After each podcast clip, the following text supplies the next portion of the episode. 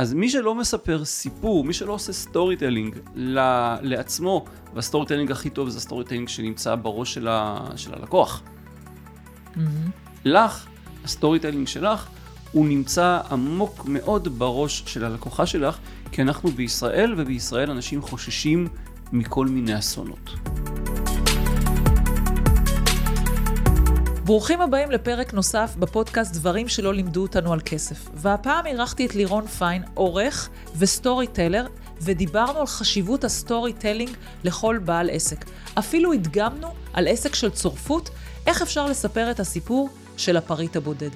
הרבה מאוד תובנות בפרק הזה. האזנה נעימה.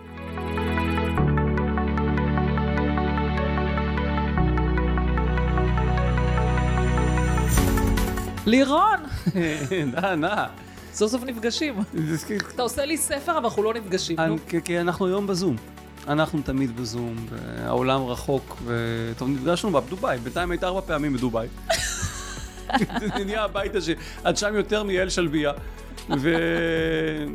ואני תקוע ברחובות, אני תקוע בזום, אני במשבצת. עם המשבצת והספרים מאחוריך. עם המשבצת והספרים מאחוריי, כן. לגמרי. מתי יהיה הספר שלי שם, אני מבקשת. שאני אעשה קודם כריכה, אתה אומר. כריכה, תנהלי על הכריכה, את עושה שטויות שם.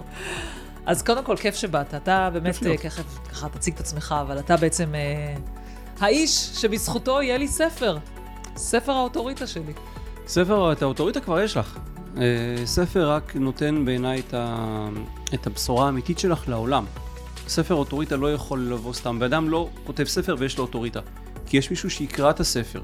ואם בספר לא יהיו כתובים דברים חכמים שמשנים לו את העולם, אז זה ספר אנטי אוטוריטה. כבר ראיתי כאלה דברים, שאנשים קוראים ספר ואומרים, אוקיי, עם האדם הזה אני לא רוצה לעבוד. ספר שלך אומר דברים אחרים. קוראים את זה ואומרים, האדם הזה אני כן רוצה לעבוד. האדם הזה יש, אז האוטוריטה יש. עכשיו רק לדלבר אותה, להעביר אותה להרבה אנשים. זה, זה הדבר. אז אנחנו תכף נצלול לעומק הדברים, אבל ככה תציג את עצמך באמת, איך הגעת לנושא של ספרים. אני מכירה אותך מספרים, אבל יש לך הרבה דברים אני, מאחורי זה. אני מגיע מתחום הפרסום במקור, משנת 94. אה, נכנסתי למשרדי פרסום בתל אביב, mm-hmm. הייתי קופי, הייתי אה, תסריטאי, ניהלתי קריאייטיב בשני משרדי פרסום, באחד מהם הייתי שותף. פרשתי, כתבתי ספר, אה, חזרתי אה, למקום קצת שונה של אה, פרויקטים גדולים של, של תוכן, מרכזי מבקרים, סרטי תדמית, מצגות, דברים מאוד מאוד גדולים. לפני כמה שנים חזר אליי את החיידק הזה של, ה, של הכתיבה. האמת היא, זה התחיל מאוד, בצורה מאוד מוזרה, כאילו התחילה בשורה של אמזון, וכתבתי ספר, הספר הראשון שכתבתי, תרגמתי אותו ושמתי באמזון והוא התפוצץ שם, בקטנה. בקטנה, לא יש אה, ספרים שבאמת התפוצצו. אה, יש כמה סופרים ישראלים שכותבים באנגלית שהם מדהימים, שהם מפרקים את אמזון, כותבים רבי מערך אחד אחרי השני.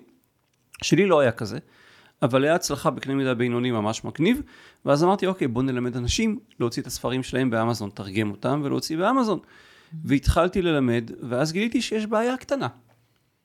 זה מושך אנשים שלא יודעים לכתוב. לכתוב ספר זה אומנות. Mm-hmm. לכתוב ספר, גם ספר אוטוריטה, אבל גם ספר פרוזה, לכתוב ספר, צריך לדעת לכתוב. זה, זה טכניקה, זה כישרון וזה ניסיון. אז כישרון לכל אחד יש את מה שיש לו. טכניקה mm-hmm. אני יכול ללמד, ניסיון, ניסיון בא עם הזמן. Mm-hmm. אז בתוך קורסי האמזון התחלתי ללמד אנשים לכתוב. אה, ואז אה, יותר ויותר התאהבתי בללמד אנשים לכתוב. ואז אמרתי, ואז פנו אליי, ומישהו אמר לי, בוא תערוך לי את הספר שלי. אז ערכתי לו את הספר שלו, וזה היה ממש מגניב, אז אהבתי את זה. מפה, כאילו, כזה מעבירים, אני כמו מחלה, מעבירים אותי ממקום למקום, ו... אתה מדבק כמו הקורונה? זה מה שאתה בא להגיד? אני, לא, לא. רק בודקת. לא, לא. אבל היום הקורונה כבר לא נחשב שום דבר, אז... אה, נכון. אז uh, התחלתי לערוך ספרים, ועוד ועוד ועוד, התחלתי ללמד עריכה. ובעצם שילבתי את כל מה שאני יודע מתחום הפרסום, מתסריטאות, מ storytelling שבזה התמחיתי כ copywriter לתוך הספרים, אנחנו עושים שם דברים מיוחדים כמו, כמו שאת רואה ויודעת, mm-hmm. ועכשיו אני עוד פעם חוזר לאיזשהו אה, מקום קודם של, של copy, אבל אני לא עושה copy, אני מלמד copy ו storytelling, זה, זה התחיל מאמירה מאוד חמודה. אה, אחד התלמידי הכתיבה נת, נתן ספר, כאילו נתן לי כתב יד לקריאה, והכתב היד הזה כל הזמן מלמד. ואז אמרתי, תקשיב, הדרך הכי גרועה ל... לספר סיפור זה ללמד. הדרך הכי טובה ללמד זה לספר סיפור. עכשיו, את זה אני יודע מתמיד, וזה סוג של עשה לי שכל, ואז אמרתי, רגע, רגע, רגע. אנחנו רואים את הפרסומות שרצות היום, בעיקר את הפרסומות ש... לא רק בטלוויזיה, הפרסומות שבטלוויזיה הן כולן מספרות סיפור. פרסומות וואו, ה... וואו, חבל על הזמן, יש שם כאלה טובים ממש. שאתה אפילו לא יודע בסוף מה מפרסמים, מרוב שזה... אז זה לא טוב, בעיניי. לא, בסוף אתה רואה כן, אבל נגיד, הנושא של הגבינה עם הבית, למשל, ללכת לאתוס הישראלי של הבית אה, עם הקוטג' והגבי, והבית, וזה... זה, זה, זה, זה כן. זה סיפור, סיפור, מה, מה אתה יכול לפרסם על קוטג'? אה, אפשר, אה, הרבה דברים. הפרסומות שזוכרים, הנה, למשל, הגבינה עם הבית, חיברו את הסיפור של הביתיות לגבינה. Mm-hmm. למה? כי היה קוטג' מתחרה. ואז mm-hmm. אמרו, אוקיי, אנחנו רוצים, אבל כולם זוכרים את הקוטג' מהבית. נכון. אז הנה זה הסיפור, ואז חיברו ערכים של בית. לקוטג', גם קוטג' זה שם של בית, אז כאילו... מה, וואלה. אנשים לא יודעים את זה בישראל. לא חשבתי על זה אבל זה הגיע משם. לא חשבתי על זה. אה, זה הגיע משם. והיום למשל, אה, למשל יש סיפור המיתוג הגדול של בנק מזרחי לפחות. שהוא אומר, אני בן אדם. Mm. לקחו שחקן ואומר אני רוצה לדבר עם בן אדם, לקחו שחקן שהוא נורא נורא בן אדם, אז אגב הוא היה כזה. נכון. אחרי זה הוא נהיה כזה ועכשיו הוא כזה. אבל, והסיפור היה דביר מחפש בנק. כשהתחילו, התחילו, התחילו. נכון. דביר מחפש לעבור, ואחרי כמה שנים, אגב, כתבתי את אתר האינטרנט של אה, מזרחי טפחות. אמ, אני כתבתי את האתר שמלווה את הדבר הזה. אה, אז הסיפור היה של דביר אה, עובר בנק, אבל אחרי כמה שנים הוא כבר עבר. אז מה, מה עשו? דביר משכנע חבר שלו לעבור בנק. את זוכרת? היה כן. לו חבר שהיה סקפטי. כן, לא, כן. לא, אני לא זה, ופה. אז היום, אה, ועכשיו יש את הקטע של כל הפירות, הפיטנגואים והזה. אני זוכרת רק את הליצ'י, לא יודעת מה איתך, אני זוכרת רק את הליצ'י. פיקדון ליצ'י. פיקדון ליצ'י. פיטנגו, אז הכל זה סיפור.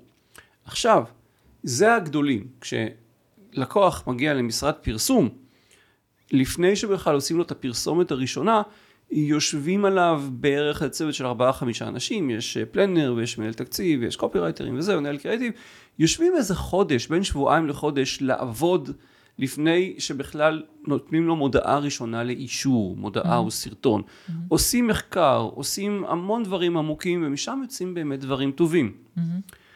אבל כשאת הולכת, ורוב המפרסמים בישראל הם עסקים קטנים מבחינה מספרית, ברור. הקמפיינר שלך, כמה הוא בדיוק השקיע במחקר אבטאר שלך? דקה? לא שעה? הרבה. לא כמו לא שאתה מתאר. לא, לא שמה. תלוי, יש יותר ויש פחות. יש, יש כאלה יותר חוקרים ויש כאלה שפחות. הוא למד באיזה ניו מדיה כזה, איזשהו זה, הוא יודע להשתיל פיקסלים של פייסבוק ושל טיק טוק והכל זה מגניב, טכני. הוא יד, יודע לטרגט, אגב, התרגות היום זה לא מה שהיה פעם. היום... רגע, אבל אני הלכתי לאיבוד שנייה. אנחנו רגע נהיה בתמה מרכזית כלשהו, נכון? כמו בספר. מה שאת רוצה. אני אומרת, רגע, בעצם אתה בא ואומר, אני רגע אפילו אקדים את זה. לי חשוב, לדעתך, את דעתך רגע, ואז זה גם מחבר לכל יתר הדברים שאתה אומר, את דעתך לגבי באמת, ה... אני כעסק קטן, בסדר? one woman show, one man show כזה, שומעת עכשיו את הדברים שאתה אומר. מה התמה המרכזית? למשל, אני הכנסתי ספר כי הרגשתי שזה משהו שיכול ללמד אנשים עליי. איך הספר הזה נפתח? עליי, איתי כאילו. במה הוא נפתח? במשפט הראשון, וואו, איזה מבחן, אני מרגישה לא, שאני לא, מרגישה לא, שהציון נכשל בדרך. לא במשפט הראשון, בשורות, בהתחלה. עם הסיפור שלי? עם הסיפור שלך. נכון. הוא מתחיל עם הסיפור שלך. יום אחד קמתי בבוקר, נכון. וגיליתי שהאדמה הכלכלית שמתחת רגליי רועדת, כי נכון. פוטרת או משהו וזה, ואפילו שהייתי כבר בסבבה והכל, הבנתי שהביטחון שלי טמון ביכולת שלי לשלוט על הכסף שלי, וברגע שמישהו פיטר אותי, אני התרסקתי. זה סיפור, זה מעניין, בספר שלך את מלמדת נשים בעיקר איך להתעסק עם כסף. Mm-hmm. ואת מתחילה במשהו שהוא אגב סיפור אמיתי, שיש בו את כל האלמנטים של סיפור אמיתי, גיבור, מטרה, מכשול, לגמרי, את הגיבורה, המטרה היה, הייתה לתת בסיס יציב לבנות שלך, mm-hmm. המכשול פיטר אותך מישהו. מה עושים? מהמתמודדים. כל עסק, הפרסומות שלו, גם עסקים קטנים, גם אנשים שנותנים שירותים, הן חייבות להיות סיפוריות. כשהן לא סיפוריות, הן עושות עבודה הרבה פחות טובה. כשהן כן סיפוריות, הן עושות עבודה מדהימה. צריך לייצר רפור בין אה, דרך טקסט, דרך פרסומת. בספר הזה שלך, מיידית על ההתחלה ייצרנו רפור. רפור, את יודע- יודעים? כן, תגיד רפ- אבל, תגיד מה זה. רפור זה מונח ש... שטוני אה, רובינס הכניס לאופנה. זה צרפתי, לא? זה רפור זה צרפתי? רפור זה צרפתי, נכון. זה בעצם מדבר על הזדהות. העובדה שכאילו אני אה, יושב מול מישהו, ויש בינינו חיבור כלשהו על איזשהו בסיס. אפשר לעשות רפור גם על ידי טקסט. והנה הפתיחה של הספר שלך, יצרה חיבור מיידי בינך לבין האבטר, לבין הקוראות, לבין הלקוחות האידיאליות שלך, שהם נשים כמוך, וגם גברים אגב, שיום אחד פוטרו או משהו קרה והרגישו שהאדמה אה, רועדת ומה עושים. משבר, עברו איזשהו סוג של משבר. עבור משבר, אבל משבר בזווית פיננסית, כלכלית יותר. כי נכון. את לא מדברת דברים אחרים. נכון. זאת אומרת, אתה אומר שיש רגע, אני רגע, נעשה רגע זה. יש בעצם, צריכה להיות, צריך להיות לעסק איזשהו תמה מרכזית, איזשהו סיפור, סיפור סיפור מרכזי. מרכזי שאופף את, ה, את הדבר הזה. כי אני. באמת בסיפור הזה שלי, אני אומרת את זה בכל מקום, כי זה באמת מה שגרם לי לפתוח את העסק, בדיוק המשבר הזה, צמחתי מתוך המשבר. כן. אז בעצם אתה בא ואומר, בכל מה שאתם עושים בעסק שלכם, תנו את זה סיפור. זאת אומרת, אל תספרו לי על הכוס שאני מייצר, אלא איך יוצרה הכוס, מה הביא אותי לייצר את הכוס, מה... כזה? לגמרי, למעשה עשו אה, ניסוי שמדברים עליו הרבה, אה, למכור פריטים באי-ביי. סתם פריטים. אז מכרו אה, פריטים וזה, מכרו אותם בכמה דולרים, ואז מכרו את אותו פריט בדיוק. אבל סיפרו עליו סיפור, הוא היה שייך לזה וזה, שהגן עליו. נזכרתי זה עכשיו גם מזכיר לי בספרות זולה. עקיצות קצת, זה מזכיר לי גם עקיצות קצת, אתה יודע. ספרות זולה. נו. זוכר את הסרט ספרות כן, זולה? וואי, ומי ש... את השעון. השעון שמניע את הסיפור הזה, שברוס וויליס חוזר בשביל לקחת את השעון שאבא שלו החביא במחנה שבויים בווייטנאם, שמה, ואחרי זה, אחרי שהאבא מת, אז החבר של האבא לקח את השעון והחביא את זה שמה. זה שעון יקר ערך. זה פתאום הופך את השעון הזה לשווה הרבה יותר ממה שהוא שם. כי הוא פתאום חשוב. אז מי שלא מספר סיפור, מי שלא עושה storytelling לעצמו, וה storytelling הכי טוב זה ה storytelling שנמצא בראש של, ה, של הלקוח. לך, ה storytelling שלך, הוא נמצא עמוק מאוד בראש של הלקוחה שלך, כי אנחנו בישראל, ובישראל אנשים חוששים מכל מיני אסונות. כי ברוך השם, לא חסר. כל, אה, כל, כל יום יש לנו איזה איזשהו משהו אה, כיפי, כיפי אחר שבא עלינו. אז כולנו חוששים, ואת אמרת, אוקיי, שימו לב, הייתי, הייתי באסון שלכם.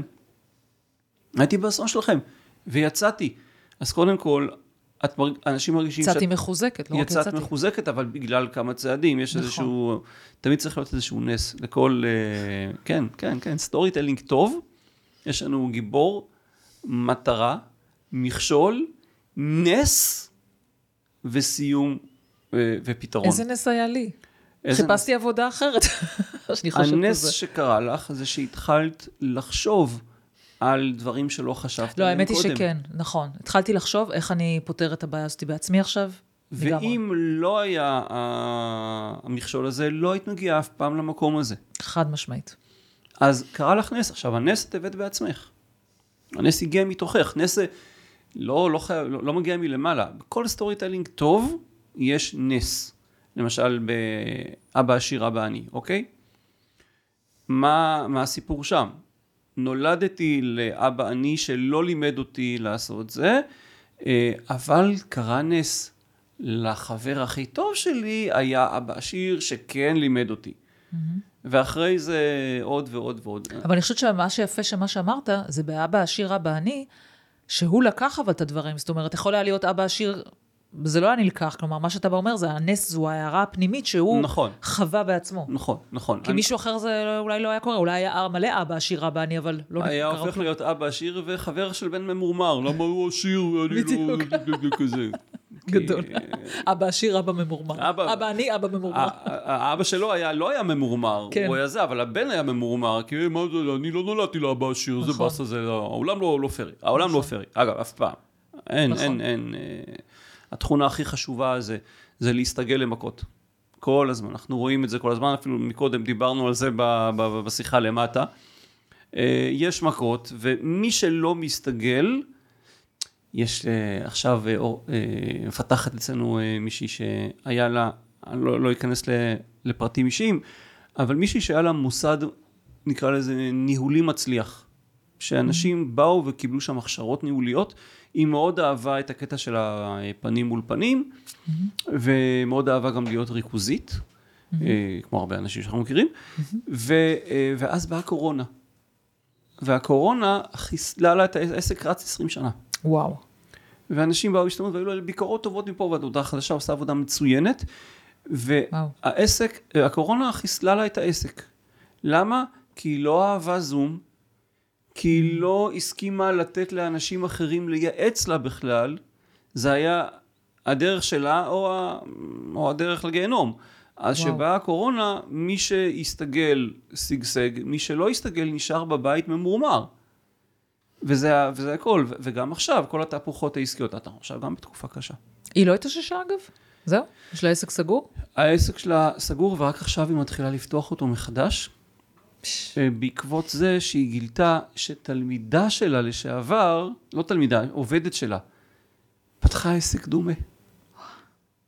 ומשהו בפנים אמר לה, לא, אני לא מוכנה לדבר הזה. אני אראה לה איך עושים את זה, משהו בזה. אז, אה, והיא עכשיו כותבת את זה בספר. לא, אה, בספר עלילתי אגב. ספר עלייתי שמבוסס על, על דברים, עם עוד כל מיני דברים שלא היו באמת, כי אנחנו תמיד אה, אה, בספר עלייתי עושים את הדברים יותר מעניינים. ו... אז מי שלא מסתגל, מי שלא מתגמש, הוא בסוף ייפול. התכונה הכי חשובה זה גמישות. נכון. ולהבין שיש פתרון. בכל מצב, הכי קשה. יש פתרון, עוד לא מצאת אותו. לא עבד, לך על משהו אחר. אגב, storytelling, זה בדיוק מה שאני עושה עכשיו. אדם, מטרה להצליח, להגשים, להגיע למשהו, ומכשול, פתאום בום, משהו קרה. כן, והיא- והאמת היא שזה מרתק. אתה רואה, אפילו שאלתי אותך, בלי לחשוב על זה עכשיו שאני חושבת על זה, כאילו, אם העסק שלה קם, כאילו, אתה- אז יש לך גם סקרנות, אז רגע, העסק אז קם או לא? העסק שלה כאילו. אה, קם, אבל היא עשתה איזשהו סוויץ'. היא קודם כל, היא כבר אדם מבוגר, היא כבר בגיל הפנסיה. והיא אמרה, אה, אוקיי, אני עכשיו מקימה אותו מחדש בצלמי ובדמותי, ולא מסתיר את המצלמה, בדיוק. אה, אבל מישהו אחר ינהל. או, וואו, זה כן. ממש שינוי אה, גישה למה שאמרת. זה שינוי גישה. אה, וגם הקטע, אוקיי, אני מבינה, אפשר ללמוד ברחוק. אפשר, זה בסדר. אני לא רציתי ולא רציתי ולא רציתי, אבל וואלה, אפשר, זה כולם... היא לא... הייתה- הקורונה שברה אותה, כי בעצם אמרה, כל מה שהאמנתי בו, מת. אנשים התחילו לשנוא אחד את השני. אני מאמינה באהבה. אנשים אה, אה, התחילו להתרחק אחד מהשני עם הזומים והזה, אני מאמינה בקרבה. כל מה שאני מאמינה בו לא קיים יותר, אז אני, אין שום דבר. הרבה אנשים היו ככה. אני יודעת, חוויתי את זה בלקוחות, שפתאום... אה, אני עשיתי את זה תמיד. אני, זה היה סקייפ, לא היה זום, עשיתי בסקייפ אה, זה, וכל הזה היו מסתכלים עליי, אמרו לי, מה, השתגעת, לא נפגשת, איך זה יכול לעבוד לך בכלל? וואלה, זה עובד, אנשים היום עושים טיפולים פסיכולוגיים, וזה גם אפילו הכל. ככה. כאילו, אני יודעת, אנשים היו בוכים לי בסקייפ וזה. אבל, ודווקא לי הקורונה עשתה שירות מעולה, כי עכשיו אני כבר, אני אומרת זום, אז אף אחד לא מרים גבה. אז, כן. אז ויתרתי על הלקוחות, אמרתי להם, אתם לא נפגשים בסקייפ, אנחנו לא נעבוד ביחד.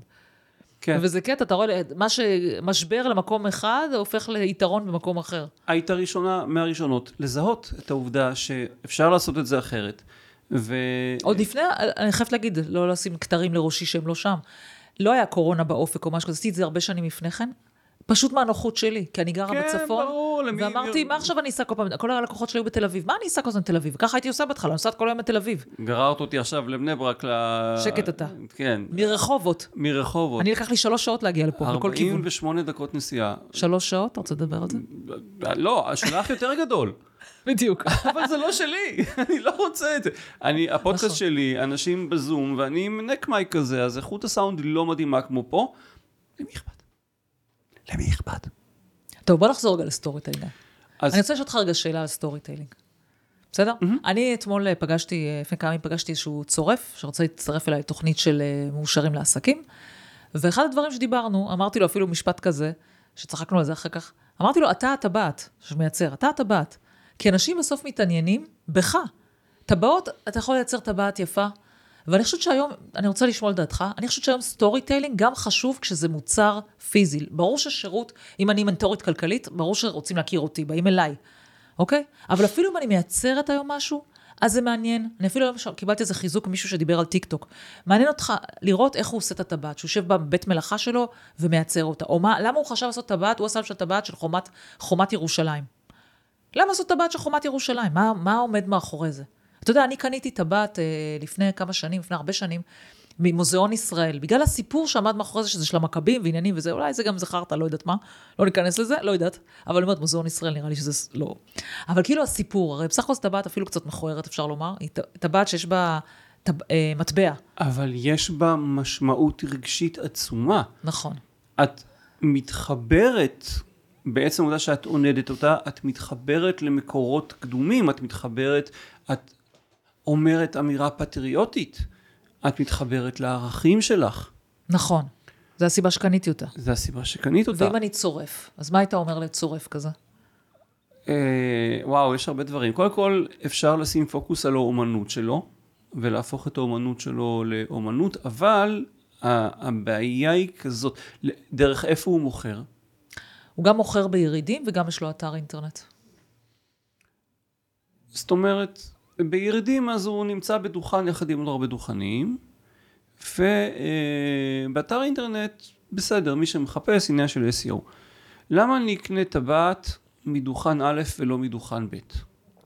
במקרה הזה רק אה, יופי, אין לך את הסיפורים מאחורי זה, ברוב המקרים. אם אני אראה טבעת לב אוקיי. כזאתי או טבעת לב אחרת, אני... ואם אני אגיד לך שכל הטבעות שנמכרות כאן, הם עברו דרך איזה רב מקובל בבני או. ברק, וקיבלו ברכה להצלחה, וזה וזה וזה וזה. ברור. וזה.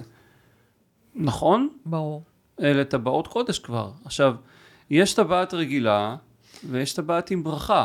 הן עולות אותו דבר. אני אלך mm. על הזאת עם הברכה. כן. להזיק זה לא יזיק, נכון? לא, אבל זה גם, יש פה ערך להתחבר עוד פעם ל... אני מניחה שעוד פעם, מי שיתחבר לזה, הוא מתחבר לדבר הזה. יש הרבה מאוד אנשים, ו- ואנשים שעונדים טבעות, זה... זה... טבעת זה דבר שיש עמו ערך רגשי גדול. אתה שם, זה כמו טאטו. אתה שם, אתה, למה אנשים עונדים את הטבעות של האימא, של הסבתא? למה אנשים אה, רוצים דברים? הנה. טבעת הזאתי, טבעת שאבא שלי קנה לאימא שלי שאני נולדתי. I rest my case, מה שנקרא, אתה אומר. בדיוק. טבעת זה לא רק טבעת, זה לא, נכון. כאילו, אם את מתיחה אותה למתכת, אין שום ערך. נכון. אבל ברגע שאת יוצקת ערך רגשי, אז אם אני עושה יריד, אז אני יכול לספר את הסיפור של כל טבעת. אני יכול להמציא סיפור על כל טבעת. אני יכול להגיד, הטבעת, הטבעות האלה הם בהשראת העיר ברצלונה. כשטיילתי בברצלונה, אני הסתכלתי על הבניינים של גאודי, ואני החלטתי שאני רוצה לתת לכל מי שעונד את הטבעת הזאת טיפה חלק מגאודי, טיפה. מברצלונה, כן. ובגלל זה עשיתי את הפס הזה בצד. אז שהוא יעשה כמה פסים כאלה בצד. ואז יש לנו פה טבע, טבעות עם, עם ערך רגשי. זאת אומרת, אם אני לוקחת את זה עכשיו, אני ישר לוקחת את זה לפרקטיקה. אם עכשיו אני רוצה לצלם למשל אה, טיק טוק כזה, אז אני מחזיקה את הטבעת הזאת, ואני אומרת על מה שאתה אומר, מחזיקה ומסבירה למה אני כצורף, לא אני כדנה. על רקע אפילו הבניין הספציפי כן, בברצלונה. כן, מה שגרם לי להשראה, כי זה עושה את הסיפור. אה, והייתי עושה מחקר אבטאר, ושואל באמת, את יודעת מה? וואו. טבעות שמזכירות את ההורים. אנחנו, את רוצה שאני אעצב לך טבעת? תביאי לי חפץ של אימא. אני אסתכל על החפץ הזה של האימא ואני אצוק קצת ממנו לתוך הטבעת שלך. Mm. איך אפשר לסרב להצעה גאוני. כזאת? גאוני. וזה סיפור. גאוני. אז יש הבדל לטבעת, לטבעת עם סיפור. עכשיו, איזה סיפור? וואלה, יכול להיות הרבה מאוד סיפורים, כבר דיברנו. השעון שהיה בתחת של ה... ששמה, שספרות זולה, זה פתאום שעון שהבן אדם מוכן להקריב את חייו בשבילו. למה? כי זה ככה. אגב, יכול להיות שאותו אה, אדם שהביא לילד את השעון שיקר. זה כלום. אתה פשוט יוצר, מה שאתה אומר, מילים אחרות, אתה יוצר פה ערך סנטימנטלי גם לדבר הזה. ערך סנטימנטלי. אנשים רוצים סיפורים, אנשים אוהבים סיפורים, אנחנו מתוכנתים ל- ל- לשמוע סיפורים ולספר סיפורים. בני אדם משקרים כמה עשרות פעמים ביממה. מה זה שקר? סיפור לא נכון? שקר זה סיפור, קודם כל הסיפור. סיפור קצת מוגזם, סיפור קצת, יש כל מיני... אגב, אנחנו משקרים שקר- כשלא צריך. למה אנחנו משקרים כשלא צריך? הבנות שלך מבקשות ממך משהו, היו מקרים שאת אמרת להם סיפורים בהשראת האמת. לגמרי. בהשראת האמת. למה? כי רצית לחנך, כי רצית משהו, נכון. כי רצית להתחמך, כי היית... הי- הי- נכון. סיפורים. אנחנו רגילים לספר, אנחנו רגילים לשקר, ושקר זה סיפור. ואדם שמכר את צל האנדרומדה, כאילו, אנחנו רגילים לזה, אנחנו אוהבים את זה. העולם בלי סיפורים משעמם. את יודעת מה קורה לנשמה שלנו אחרי המוות בעולם בלי סיפורים? נו. זה מה שקורה לג'וק שדורכים עליו. כלום. אנחנו לא רוצים שזה יהיה כלום, אז סיפרנו לעצמנו סיפור שקורה איתה משהו. שמשהו קורה. כי לא יכול להיות שאנחנו סתם בעולם פיזי מעפן ששום דבר לא קסום בו, ואנחנו רוצים קסם, רוצים סיפור. אה, צירופי מקרים מצטרפים לנו כסיפור. אנשים, הטבע האנושי הוא כזה. אנחנו כל הזמן רוצים סיפורים. אז איך אני כבעלת עסק רותמת את הידע הזה שאתה אומר, כדי לעזור לי ב... את, את קודם כל מנסה להבין איזה סיפור נמצא בראש של הלקוחה שלך, מה הסיפור שרץ שם. כמו למשל בלקוחה שלך, הסיפור של הלקוחה שלך זה הפחד מהתמוטטות כלכלית בגלל משהו. יש אפילו אמרה כזאת, כסף לבן ליום שחור, כן, כזה. כן, כסף לבן יום שחור. זה אותו, זה שמה, למה היא מפחדת? כי זה קרה להורים שלה, וזה קרה לסבא וסבתא, והם היו צריכים, היה שואה פתאום, ו whatever, והם היו מהגרים וזה. והיה תמיד את האחד הזה, שהיה לו את הבסיס הכלכלי, וכשכולם היו צריכים ללכת יחפים בשלג, הוא תפס מונית. או משהו, בסדר? הוא הצליח לברוח, קנה כרטיס טיסה, טיסה שאחרים לא הצליחו, וברח. אז יש לנו את הפחד מהתמוטטות כלכלית. עברנו את שמות ה-80 עם ארידור והמשבר הכלכלי והתרסקות מניות הבנקים וזה. עברנו משברים בשנות ה-60, עברנו גם בשנות ה-2000, עכשיו אה, יש הרבה אנשים שעוברים, אנחנו מפחדים מהתרסקות כלכלית. אז למה אנחנו לא עושים משהו? בהנחה שזה התמה כי שמלווה קשה. אותנו, אז למה אנחנו לא עושים כי את זה? זה קשה. רוב האנשים הרי לא עושים. כי קשה לעשות, אנחנו רוצים לשבת על הספה ולא לעשות כלום. אנחנו לא רוצים לזוז, זה לא מעניין אותנו, אבל אנחנו מפחדים. אז ברגע שאת מחברת אדם לסיפור, ואת אומרת, הנה הסיפור, זה עשה משהו, ואני נותנת לך אפשרות קלה לעשות מה שהוא עשה. אז אנשים גם יזדהו עם העניין הזה, וגם יגידו, אוקיי, זה קל. בסדר, קל אני מוכן. קל אני מוכן. זה הכל, יש את הסיפורים, ביטקוין, אוקיי? את מכירה את הסיפור על ההוא שלא קנה ביטקוין? אנחנו? אני? אנחנו- אתה? אני, כן, כן, כן. אתה קנית? לא, לא, כשהיה ביטקוינים ומכרו אותו רק בחנות אחת באלנבי, היה איזה כן. משהו באלנבי תל אביב, וזה התחיל וזה. אז אמרתי, וואלה, כמה, אה, בא לי לשים אלף שקל על ביטקוין. בא לי לשים, לראות את הדבר, לנסוע רק שיהיה לי הדבר הזה. וכמה עולה ביטקוין? ביטקוין עלה עשרה שקלים. ואז יהיה לי 100 ביטקוין. וממש רציתי, אבל זה היה קשה, זה היה לנסוע לאלנבי ולהתחיל, וזה בצורה מסובכת, וויתרתי על העניין הזה. אתה הרבה, היית הרבה יותר מתקדם ממני. אני כשאמר, כשראיתי את זה אמרתי, מה זה השטויות האלה? כאילו, אני הולך לשים כסף לא, על אני השטויות האלה? אמרתי מה זה השטויות האלה, אבל אני אדם שעושה שטויות. כאילו, וואלה. מה שנקרא, כמות הטעויות והשטויות שעשיתי בחיי היא אינסופית. עשיתי הרבה. ואני עוד אעשה הרבה, כי אני כזה. בקיצור, זה מה שעצר אותך לנסוע מרחובות לאלנבי? כן, אז היה מודיעין. הבנתי. אז טוב, אז בסדר. אז היה מודיעין, ואלנבי זה רחוב שאני אוהב, אבל זה נראה לי כאילו, אה, אני עכשיו אלך לשם, וזה, ואני אלך לחנות המעופשת הזאת, ואני, זה, זה מסובך, אי אפשר היה להעביר את זה לחשבון בנק בכלל. אה, עזוב. ואיך אתה מרגיש עם זה היום? נו. אה, כמו כל אדם ש, ש, ש, שיכול היה לעשות משהו ולא עשה. אנחנו תמיד מתחרטים על הדברים שלא עשינו. אז אני מרגיש כמו אידיוט, אבל, אבל יש לזה רציונליזציה. מה, כולם היו אידיוטים. מה, מה, יש כאלה שחשבו וזה. עד היום לא עושים את זה. עד היום לא עושים את זה. היום אני לא יודע אם אה, זה, אבל, אה, אבל, אבל כן, אתה מרגיש פספוס אדיר על הקטע. והסיפור שלך זה הסיפור, כשאתה מתחיל את הספר, אני הייתי בהתמוטטות, בסכנת התמוטטות, ועשיתי כמה צעדים שהצילו אותי מזה. והנה אני רוצה להראות לכם את הצעדים האלה. את גם יכולה לעשות את זה, זה קל. ו- ואם זה קל, אנשים יעשו את הצעדים. אגב, זה באמת קל. אנחנו לא מוכרים עכשיו פה איזה לוקשים שאנחנו מדברים בינינו, זה כן. באמת קל. זה מפתיע כמה שזה קל. זה קל וזה קשה, כאילו, אם תבקשי ממני עכשיו, אה, הסתכלת כמה יש לך בקרנות הפנסיה וכמה, מה המצב האמיתי שלך בבנק וזה, אני לא רוצה.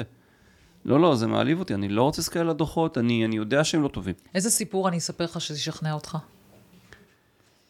אמ, את לא תוכלי לספר לי סיפור שישכנע, הסיפור היחידי זה דבר כזה, תעצום את העיניים, תן לי סיסמאות, לך לישון. מחר אני, אסדר, מחר אני אביא לך את מה שצריך. זה צריך להיות done for you הדבר הזה. כי אדם מ- מ- אה, מ- מתוך עצמו, שהוא יודע שמשהו לא בסדר לו, הוא, הוא לא רוצה. אבל אין לא- בזה ערך done for you. מה תלמד מזה? בדברים כלכליים אין לזה שום ערך. ואז את נותנת, אה, אין לזה ערך. את נותנת אה, סדרת הוראות מעכשיו מה לעשות. וזה תמיד צריך להיות דברים נורא נורא קלים. זה תמיד דברים נורא נורא קלים ופשוטים לעשייה, כמו למשל, אבל מה, לא, מה זה קל? תוציא, תדפיס חשבון. את חושבת שזה קל? לא, אבל אם נסתכלת על זה, תיקח את התדפיס חשבון ותשים בפנים, כלומר, תעתיק אותו לטבלה, ללחוץ על הדפס לי את ה... תוריד לי PDF של החשבון. חושבת שזה קל? אה, יהיה אנשים שלא קל להם, יהיה אנשים לא קל שיותר להם. קל להם. אני חושבת שיהיה יותר קל, זה, אני מתחברת למה שאמרת מקודם, ה storytelling, אם אתה יודע שהסיפור שזה מאחורי זה, זה משרת מטרה הרבה יותר גדולה שלך. בסוף אתה צריך לשרת מטרה גדולה. אף אחד לא רוצה להוציא חשבון בנק ולהסתכל ולהעתיק את זה תוך טבלה ולראות מה ההכנסות וההוצאות, זה לא את, הפואנטה. את יודעת למה? אני אגיד לך למה. כי חשבון בנק זה תעודה מבית ספר שאתה לא רוצה להביא לאמא ואבא. כתוב שם מספרים לא מחמיאים. נכון, אתה לא רוצה להתעמת עם זה. אתה לא רוצה את האמת. אז את, הפתרון שלך יהיה באיך איך להתעמת, איך לא להתעמת, איך לא להתעסק, ועדיין זה יקרה. אבל רגע, בוא ניקח את הרעיון שלך, בסדר? אני זורמת איתך. נניח ואני עושה לך, אני מביאה לך טבלה, כתוב לך מושלמת, טבלה מושלמת, כל ההכנסות וההוצאות, ואתה רואה את המצב הקטסטרופלי נניח שיש. ואז רע לי ואני רוצה למות. אז, אני, אז רגע, אני שנייה שואלת רגע, אם אני עכשיו מביאה לך, למה זה עוזר שאני מביאה לך ואתה רואה את זה, או שאתה מכין את זה בעצמך, ואז תוך כדי שאתה מוציא, אתה אומר, רגע, מה אני משנה פה עכשיו? עיתון הארץ כבר מזמן, כבר לא מנוי לזה. ולמה אני אני משלם לא את זה. ולמה? בדיוק. ולמה זה ולמה זה, ואז אתה תוך כדי כבר לומד, ואתה אומר, איזה שטויות אני מוציא, ואיזה זה וזה, ואתה תוך כדי שזה למידה. אז למה זה יותר קל שאני אביא לך את זה מוכן ותראה רק את ה-bottom line? כי אני, כל החיים שלי, אני עסוק בלברוח מלהתעסק. כל החיים שלי אני עסוק בלברוח מלהתעסק עם זה. ואי אפשר להגיד, בוא, בוא תתעסק בזה. אני, אני, אני עסוק בלברוח, אני כבר מותנה, אני לא רוצה. אגב, חינוך לילדים, בואו תתעסקו בזה, זה כיף, זה נהדר, תגדלו אותם לחיים יותר טובים. הילדים שלי, לפחות שני הגדולים, לא יודע לגבי הקטנה, לא, גם הקטנה עכשיו. הם, אה, הם הרבה יותר טובים ממני בניהול כספים. יואו ברמות על. איך? הם לא למדו את זה ממך, אני מניחה. לא למדו את זה ממני.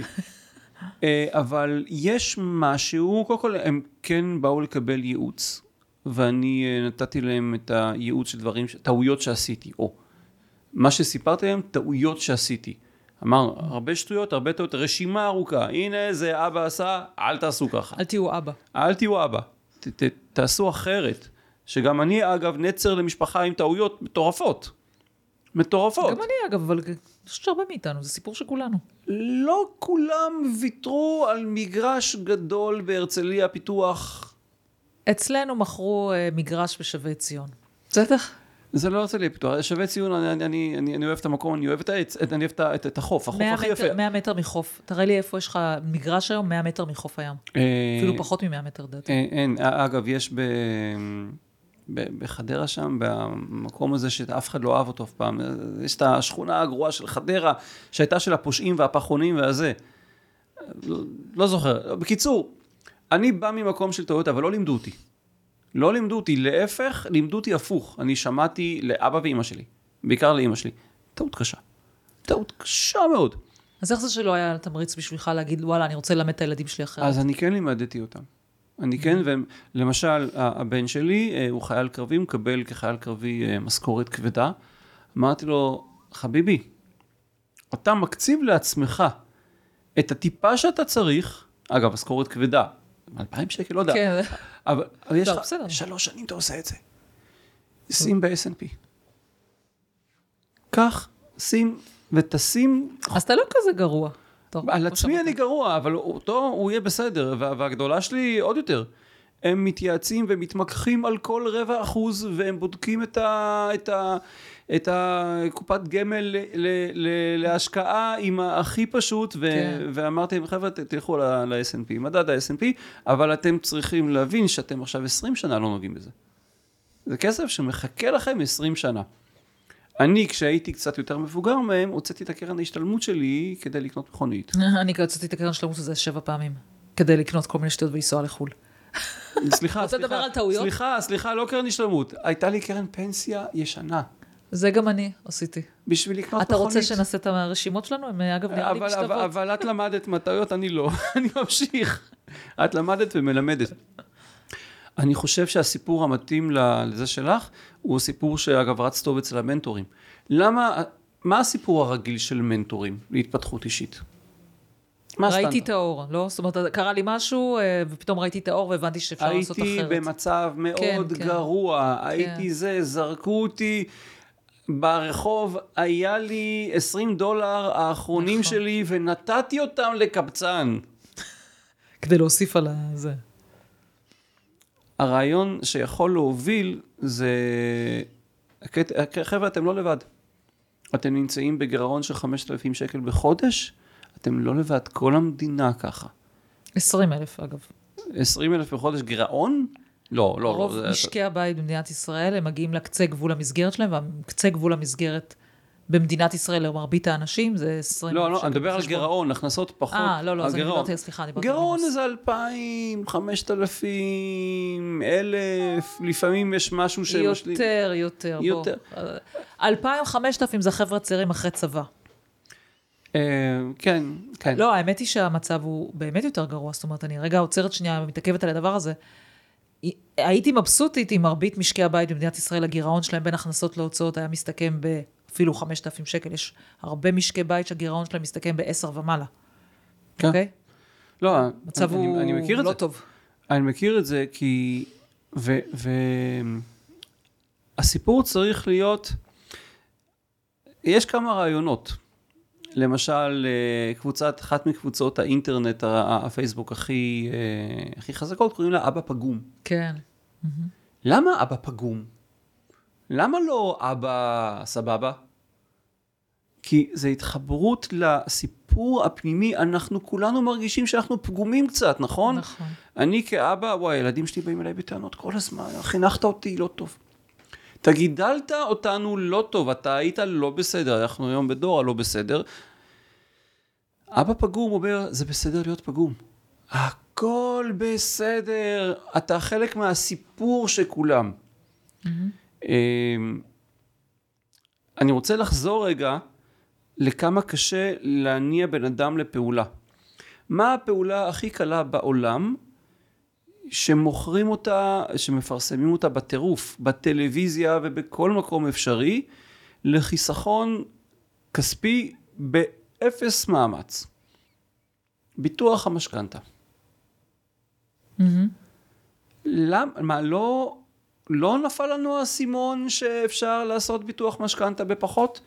לא נפל לנו האסימון שכל מה שצריך זה להרים טלפון? לא משנה למי, יש את uh, ישיר ו-AIG וכל מיני כאלה. Mm-hmm. תרים טלפון, תנשום עמוק, תחתום באיזשהו מקום וכבר חסכת 200-300 שקל בחודש על כלום. למה אנחנו לא עושים את זה? כי זה קשה. קשה להודות לא, בטעות. כי אנחנו נהיינו, אבל גם, תקשיב, נהיינו גם מפונקים ברמות על, הרי בוא ניתן לך את הדוגמה ההפוכה. עכשיו שאתה יכול להצמיד את הטלפון שלך לה, כשאתה קונה משהו. הרי אפילו כבר אתה לא צריך להוציא את כרטיס האשראי. שעון. כן, זהו, אפילו את זה, את כרטיס האשראי. הוצאתי מהטלפון, כי טלפון אפשר לגנוב, שעון לא. אז כאילו, אתה מבין את הקטע? זה כאילו כבר נהיינו מפונקים קל ברמות... ה- לקנות, כאילו, קל לקנות. שכאילו, אתה יודע, אבל אנחנו זה לרעתנו, כל.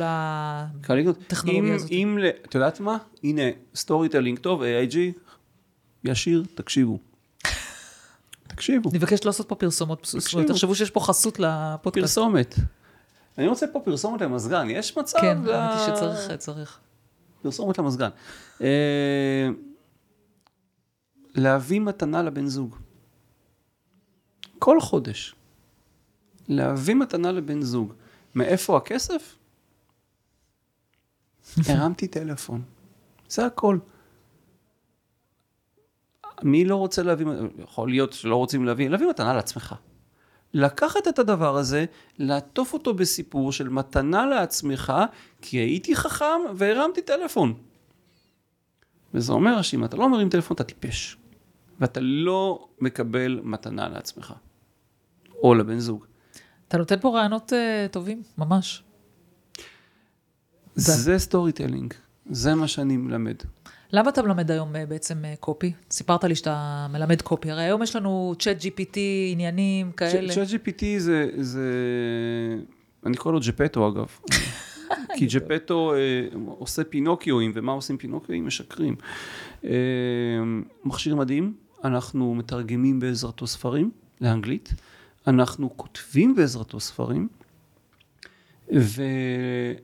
והבעיה עם, עם צ'אט GPT זה שהוא לא יודע מה להגיד.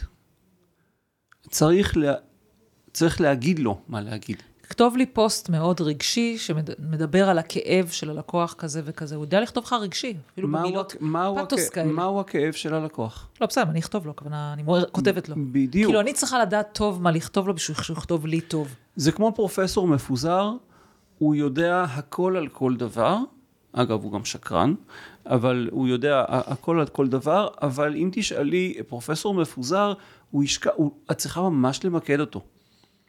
לכן יש פרומפט, אגב, שמיוחד, שאומר לצ'אט GPT, בוא, אני, אני, אני רוצה משהו, תכתוב לי את הפרומפט שאני צריך גדול. כדי כדי. שאני אוכל לשאול אותך, תשאל אותי כמה שאלות שאתה רוצה כדי להבין. זה סופר פרומפט כזה, זה דבר מגניב, ולפני פתיחת כל פרויקט גדול אנחנו עושים את זה. וכן, אבל מה ש-GPT לא יכול לעשות, הוא לא יכול להיכנס למוח של אנשים. אבל אם אתה מגדיר לו, האבטר שלי סובל מ... או מציק לו ש... כלומר, ככל שאתה תהיה טוב יותר בשאלת שאלות, הוא ייתן לך את התוצאה היותר טובה, וגם נכון, אפילו בדרך שאתה רוצה נכון, לכתוב. נכון, נכון. אז אני אומרת, האם עכשיו אתה אומר לי, אני אלמד קופי, האם כל בכלל הסיפור הזה של קופי הולך למקום אחר של לדעת איך לשאול את הצ'אט GPT ושיענה לך? של בגדול כן, ולשפר את הדברים הקטנים, ו, ו, ויותר מזה, מה שאני אה, עכשיו, תוכנית שרצה אצלי זה קמפיין זאת בעצמך, ואני אה, הקטע לעשות קמפיינים. עכשיו, אף אחד לא קופירייטר, מעטים הם קופירייטרים. מי עושה את הקופי? ChatGPT. אבל מי עושה את האסטרטגיה לקמפיין? בדרך כלל עושה את זה קמפיינר, אבל קמפיינרים זה אנשים ש...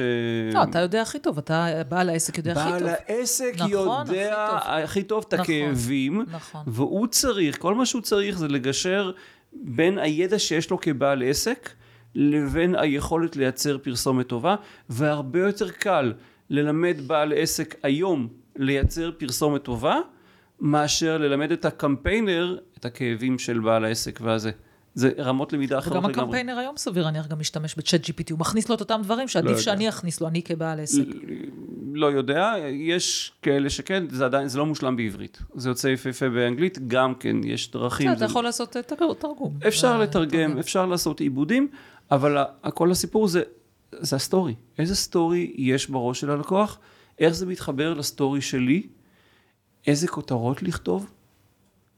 כאילו, בגדול בעל עסק היום יכול לפרסם יותר טוב מהקמפיינר שלו, מ-90% מהקמפיינרים בארץ, מהסיבה הפשוטה שהוא יודע את השוק שלו יותר טוב מהקמפיינרים בשקל שהוא סוחר. אבל הוא לא תמיד יודע איזה שאלות לשאול. הקמפיינר מחדד לו הרבה פעמים איזה שאלות הוא צריך לשאול את קמפיינר הלקוח. טוב, ואני יודע שלך יש קמפיינרים טובים, כן, הם מחדדים את השאלות נכון. ומתעקשים, נכון. אבל יש הבדל בין הטובים לבין הרוב.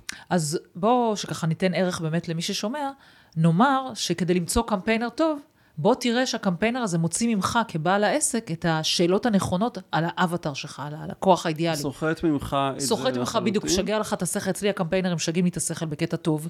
אה, משגעים אותי כדי לדעת בדיוק מה הלקוח אמר ברמת המילה, לא בגדול מה את חושבת שהלקוח נכון, אמר, אלא נכון, ברמת המילה. נכון. תגידי לי, תביא לי מה הוא אמר בדיוק. נכון. אז כאילו קמפיינר טוב זה קמפיינר שבא ואומר לך, בעל עסק יקר, אני לא מוציא לך מילה כתובה או סרטון עד שאתה לא אומר לי, לא חוקרים פה עכשיו את האבטר לפנים ולפנים. לפנים לפנים, ויותר מזה, הוא צריך גם לראות דרך הבולשיט של מה שאנחנו מוכרים לו. הוא צריך גם להבין, לראות את הדברים ולהגיד, אוקיי, זה חזק יותר. למשל, לאחרונה יצא לי לראות דף נחיתה של קמפיינר, שאנשים מכירים, אני לא אגיד את השם, אוקיי? אה, שהוא בנה, אה, בנו, בנו את זה אצלו ללקוח שלי ש, שמוציא ספר, אוקיי? ודף נחיתה. והדף נחיתה הקודם שהיה לו היה פשוט שואה, ואני אמרתי, בוא, אה, לך להם, הם עושים עבודה טובה, תעשה אצלהם. והם הגישו לי, אבל אני רוצה לייעץ. והם הגישו לי עבודה שהיא נורא נורא בינונית.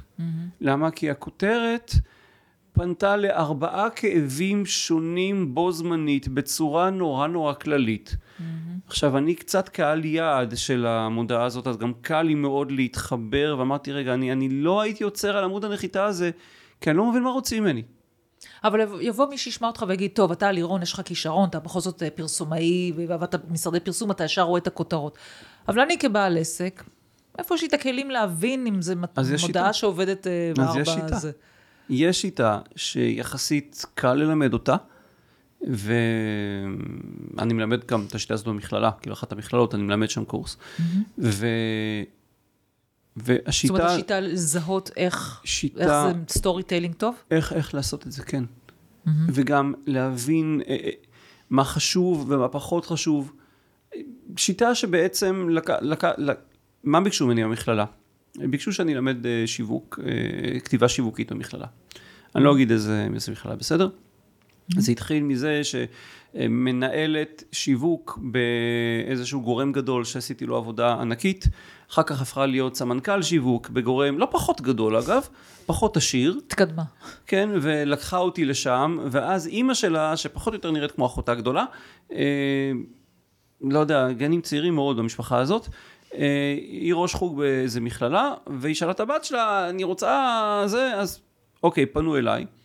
והבריף שנתנו לי היה דבר כזה, החבר'ה האלה, הם לא לומדים פרסום, לא לומדים שיווק, אבל הם הולכים להתעסק בזה.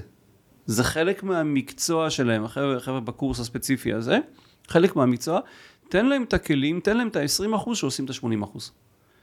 אז זה הכריח אותי לחשוב אחורה. זה מעולה גם לבעלי עסקים, זה גם קורס מעולה לבעלי עסקים. בדיוק. תן לי את ה-20 שאני אעשה 80, במקום להתעסק ב-80 שעושה 20. בדיוק. מגניב. אז יצא לי קורס מטורף, לא חשבתי ש... אבל יצא דבר כזה, את כל מה שלמדתי, כולל גם מאמנות הסיפור, ב- בעשרה שיעורים. פלק, פלק, פלק, פלק, פלק, על זה צירפתי עוד כמה דברים, וזה מדהים.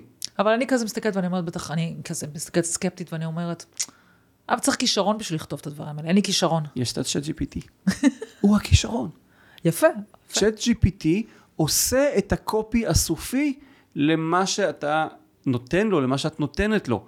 זה כל הקטע, אני כבר לא צריך לכתוב לעצמי פוסטים כל הזמן. המצחיק זה שאתה, אני כותב פוסטים. הפוסטים, אני כותב פוסטים לשתי רשימות, רשימה של כתיבה, כתיבה יוצרת, וזה בא עמוק מתוכי, כי זה שם הנשמה שלי, ופוסטים ל... לעסקים. פוסטים לעסקים, איך זה הולך? אני פעם בחודש הולך לצ'אט GPT, ואני אומר לו, אוקיי, אני רוצה את הדבר הזה, פוסטים ל storytelling בעיקר, תביא לי את זה ואת זה ואת זה ואת זה ואת זה, הוא נותן מלא אפשרויות, אני בוחר, אומר לו תשדרג, ואז אני אה, מ translate את זה, ב Google Translate, ואז אני טיפה עורך את זה בעצמי, ויש לי פוסטים 30 יום קדימה. עם כל מיני דברים, פוסטים מגניבים, מגניבים, כן, מגניבים. כן, יש לו דברים מדהימים. מגניבים, מגניבים, על נושאים שאני בודק שלא ישקר, כי הוא שקרן, אה, כן, אבל, אה, אבל כן, עכשיו, כל בעל עסק יכול לעשות את זה אם הוא ידע להגיד לצ'אט GPT מה לעשות. אגב, גם, גם בסרטונים, יש דרך למשוך תשומת לב, יש דרך אה, אה, לייצר את הרפור הזה. יש דרך אה, לגרום לכך שההצעה שאתה תיתן היא כזאת שאי אפשר לסרב לה. יש דרכים. עכשיו, הדרכים האלה קיימות, ובעל עסק יודע לעשות, יכול לעשות את זה, זה לא מסובך. הדרכים קיימות כי יש שיטה. כי יש לא שיטה. חייב להיות אה, קופירייטר. ברמה שלך. לא, ממש לא. ממש לא. תמיד כדאי, אבל מה הקטע? רוב הקמפיינרים בישראל, הם, הם לא יודעים את זה בכלל. הם לא עברו, הם, לא- הם לא עברו בית ספר לפרסום. אני רוצה אבל שבאמת בעל העסק ששומע, שהוא ייקח אז את הפיקוד. כי אנחנו תמיד אומרים שאת האסטרטגיה של השיווק הוא צריך לעשות. איך אחר כך לפלח את הקהל וכל הטכני הזה, זה לא מעניין. זה? באמת לא מעניין. את יודעת מה אומרים היום בפייסבוק? המומחי, יצא לך לדבר איתם? עם ה- לפעמים, כן, מתקשרים. לאחרונה, ודיברו איתך על קמפיינים, מודעות וזה, לאחרונה לא דיברתי איתם. אוקיי. מה, מה קורה באחרונה, לאחרונה? מאז שאפל אה, עם מדיניות הפרטיות שלה, ורוב הגלישה היא כמובן בטלפונים. כל מי שבאייפון אה, לא נותן שום פרטים, גם חלק מהאנדרואידים לא נותנים. אה, זה הכריח את, ה, את, את, את פייסבוק ללמוד את המודעות יותר טוב. התרגות של פייסבוק, כמובן פייסבוק זה לא פייסבוק, זה אינסטגרם, זה גם וואטסאפ, זה גם כל הדברים, אתרים חיצוניים ש, שמופיעים פתאום. Mm-hmm. אגב, גם יוטיוב אותו דבר. יוטיוב אותו דבר, גוגל יוטיוב אותו דבר. הם עובדים עם AI. הם קוראים את התוכן של המודעה, Mm-hmm. והם יודעים למי לטרגט. הם עושים את זה בלי שתדעי בכלל. Mm-hmm. לא צריך לטרגט. פעם התרגות היה מטורף, היו עשרות אלפי קטגוריות ופילוחים שונים וזה, היום לא. התרגות הוא מאוד כללי, וזה מה שהם אומרים. אל תטרגט, אנחנו גם לא רוצים שתעשה קמפיין המרות. כי קמפיין המרות הוא מזויף, אם אתה לא משתמש ב-API וזה, וזה זה, זה, זה כנראה לא עובד. תעשה קמפיין הקלקות. זה, אגב, אדם שמקליק על מודעה, אם המודעה היא נכונה, הוא מראש רלוונטי. Mm-hmm. הוא מראש, אם המודעה עשויה כמו שצריך. אז יש דרך לעשות את זה, וקמפיינרים היום לא יודעים לעשות את זה. כי מה הם למדו? הם למדו איך לתפעל טכנית את המערכות, שזה מגניב וחשוב כמובן, אבל המערכות היום פשוט, פשוטות מאוד לתפעול. כאילו, יש גם אז סרטוני מה הדרכה. אתה ממליץ? אם אני עכשיו בעל עסק ואני שומעת אותך, מה, אני, מה אתה ממליץ? ללמוד את האבטר שלך על בוריו, ללמוד איך לעשות פרסום בצעדים מאוד מאוד פשוטים. אה, אני מלמד את זה. ללמוד פרסום, זה בעצם כיתה א' ב' בפרסום. לא מגיעים לתיכון, כן מגיעים לתיכון, אבל, אבל זה כן ברמת תיכון, לא מסובך. לעשות את ה-20 אחוז שעושים את ה-80 אחוז ואתה תעשה את זה יותר טוב מהקמפיינר שלך, כי אתה מכיר את עצמך יותר טוב, אתה מכיר את היכולות שלך, אתה מכיר את הקהל יעד שלך, אתה מכיר את הכאבים שלו. אתה יודע אם אתה, אתה איש מכירות גם, רוב, האנשים האלה הם גם אנשי המכירות של עצמם. את יודעת, כשאת עובדת, ואת מוכרת בטלפון, יש לך אנשי מכירות, אבל גם את עושה שיחות בעצמך. את כבר יודעת מתי הלקוח ממול מתקרר, ומתי זה אמירה שאמרת פתאום תקועה לו והוא לא רוצה, את, את יודעת. יהיה קשה מאוד לקמפיינר להוציא את זה ממך, כי צריך, אה, וואלה, לעשות לך אה, בריינסקם כזה, אבל את יודעת. וכשאת מסתכלת על מודעה שאת כתבת, את יודעת אם זה ימשוך או לא ימשוך. אז את צריכה לעשות את זה, ואז צ'אט GPT להגיד לו בצורה מסוימת מאוד, את לא חייבת לכתוב לבד, את יכולה לכתוב לבד, מקסימום לשלוח את זה לאיזה עריכה. אבל uh, זה יבוא לך יותר טוב מהשכר שאת משלמת ריטיינר חודשי לקמפיינרים, כמה, זה בטח בין שתיים וחצי לשבע, זה הפחות או יותר הסיפור, השבע לוקחים הטובים יותר, ועדיין במשרד פרסום עובדים על חודש, עובדים חודש לפני שמעיזים לתת ללקוח מודעה לאישור. וזה למה שאצלך בעסק זה לא יהיה ככה? זה לא הגיוני הרי. כמו, הפ- הטוב, כמו אצל הטובים ביותר. כן, כן, כן, מבינה מה שאתה אומר. בדיוק. כשבנק או חברת תרופות או חברת רכב יוצאת עם משהו, הם גם מוכרים. הם גם מוכרים, והרבה פעמים גם מוכרים שירות, כשמוכרים בנק, מוכרים שירות היום. אגב, בנק זה לגמרי שירות. את קונה בנקאי. זה מה שאת קונה. אמ, בגלל זה, אם, אה, זוכרת למשל, סתם אבולוציה של פרסומות של בנקים. אה, זוכרת שלאומי, היה לאומי דיגיטל, והם אמרו, לא צריך בנקאי. כן, זה הרבה עבר תהפוכות, אני זוכרת. כל הזמן היום התהדרו בזה, כן, היום זה סיירת. מנכ"ל, אם לא קיבלת תשובה תוך שעה. תוך שעה, אנחנו... כן, כן, זה נורא מצחיק לראות את זה, אני זוכרת את זה. אה, לומדים מה השוק רוצה ואז מגיבים בצורה הפוכה, כי אז רצו, כולם רצו דיגיטלי, עזוב אותי, כן. לא רוצה לראות אף אחד, ועכשיו הפוך, חוזר. ואנשים, אפילו שזה, בסוף אני רוצה את אדם, כשיש לי בעיה, אני- נכון. ומתי אני מחליף בנק? כשיש בעיה אגב. אם אין בעיה, אני נשאר עם הבנק שלי. מסכימה. אבל יש לי בעיה, אז אני מתחיל להתעניין, ואז אני הולך למי שמרגיש שייתן את זה, שאגב, הוא הבנק הכי יקר. מזרחי, נכון? אני אה, להגיד לך. ראיתי איזשהו סקר, יצא לא הכי יקר. בעמלות. זה מה שאני הבנתי. אבל עדיין, אני אומרת שלשלם עמלות זה כל כך 2019. מי כל כך עמלות? 2019. מי משלם עמלות היום? מי באמת? כולם, לא? לא. תספרי להם. תגיד, מה היית רוצה ש... איזה מסר היית רוצה שיזכרו מהפרק? שאלה אחרונה. הדרך הטובה ביותר למכור זה לספר סיפור. פשוט כך. אגב, מכירה זה לימוד. את מלמדת את האדם שהוא צריך את המוצר או את השירות שלך. הדרך הטובה ביותר ללמד זה לספר סיפור, הדרך הטובה ביותר לפרסם זה לספר סיפור, ובסוף הדרך הטובה ביותר למכור זה לספר סיפור. גלן גרי גלן רוס, יצא לך לראות את הסרט, מחזה? אל פצ'ינו שם, הוא אה, סוכן נדל"ן, מוכר חתיכות. והוא אה, הוא הכריש שם וזה.